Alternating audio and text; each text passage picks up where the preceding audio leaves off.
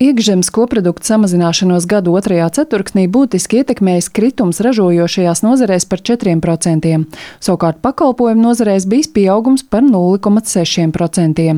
Tādējādi, salīdzinot ar pagājušā gada otro ceturksni, kritums bijis par 0,5%, savukārt, ja salīdzina ar šī gada pirmajiem trim mēnešiem, IKP samazinājies par 0,6%. Jāatgādina, ka gada pirmajā ceturksnī situācija bija cerīgāka, jo IKP pieauga par 0,8%. Ekonomists Gundars Bērziņš to saista galvenokārt ar Latvijas eksporta spējas pasliktināšanos saistībā ar procentu likmju paaugstināšanu. Tam ir vairāk iemeslu. Pirmais iemesls tas, ka mūsu galvenajiem eksporta tirgiem iet salīdzinoši grūti. Tas nozīmē, ka Eiropā arī eksporta potenciāls šobrīd uh, krītās un uh, rezultātā Latvijas eksporta spēja krītās. Tam par iemeslu, protams, uh, gan Eiropai, gan Latvijai ir izmaksu pieaugums, kas šobrīd veidojās. Tā rezultātā globālā konkurence spēja Latvijas produktiem un Eiropas um, produktiem samazinās. Nu, šis ir tāds klasisks situācija, ka teiksim tā, procentu likuma celšana, Ukrainas Krievijas karš, šī situācija novedus pie tā, ka mūsu konkurētspēja lēnām samazinās. Un arī algu pieaugums, protams, kas noved pie tā, ka mūsu produkcija pakalpojums būs mazāk konkurētspējīga. Atbildot uz jautājumu, vai IKP samazināšanos var uzskatīt par tendenci, ekonomists Gundars Bērziņš teica, ka tas atkarīgs no vairākiem apstākļiem, tajā skaitā no Eiropas centrālās bankas tālākās rīcības. Kā zināms, pašlaik tā ar procentu likmju celšanu mērķtiecīgi mazina inflāciju, kas palielina dažāda veida izmaksas.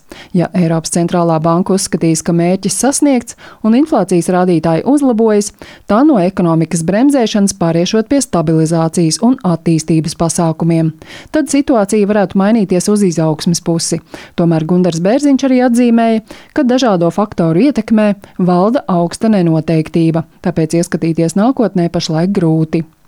Latvijas Banka jūnijā IKP pieauguma prognozi šim gadam palielināja no 0,5% līdz 1,2%.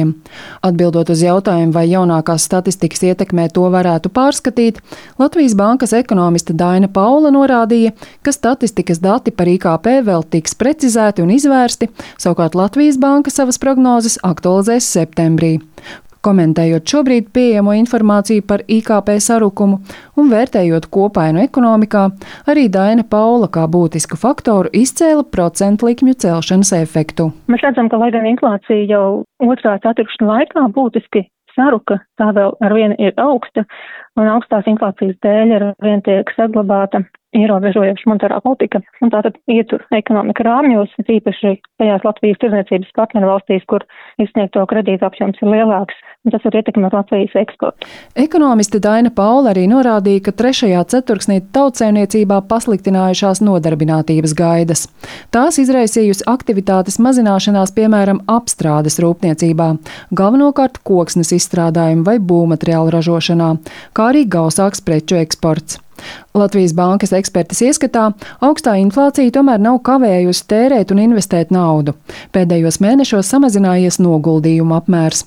Par to liecinājusi arī nedaudz augstāka aktivitāte nekustamo īpašumu tirgū jūnijā.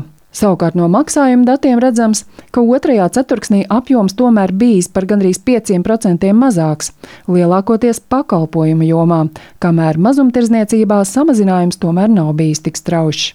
Zana Eniņa, Latvijas radio.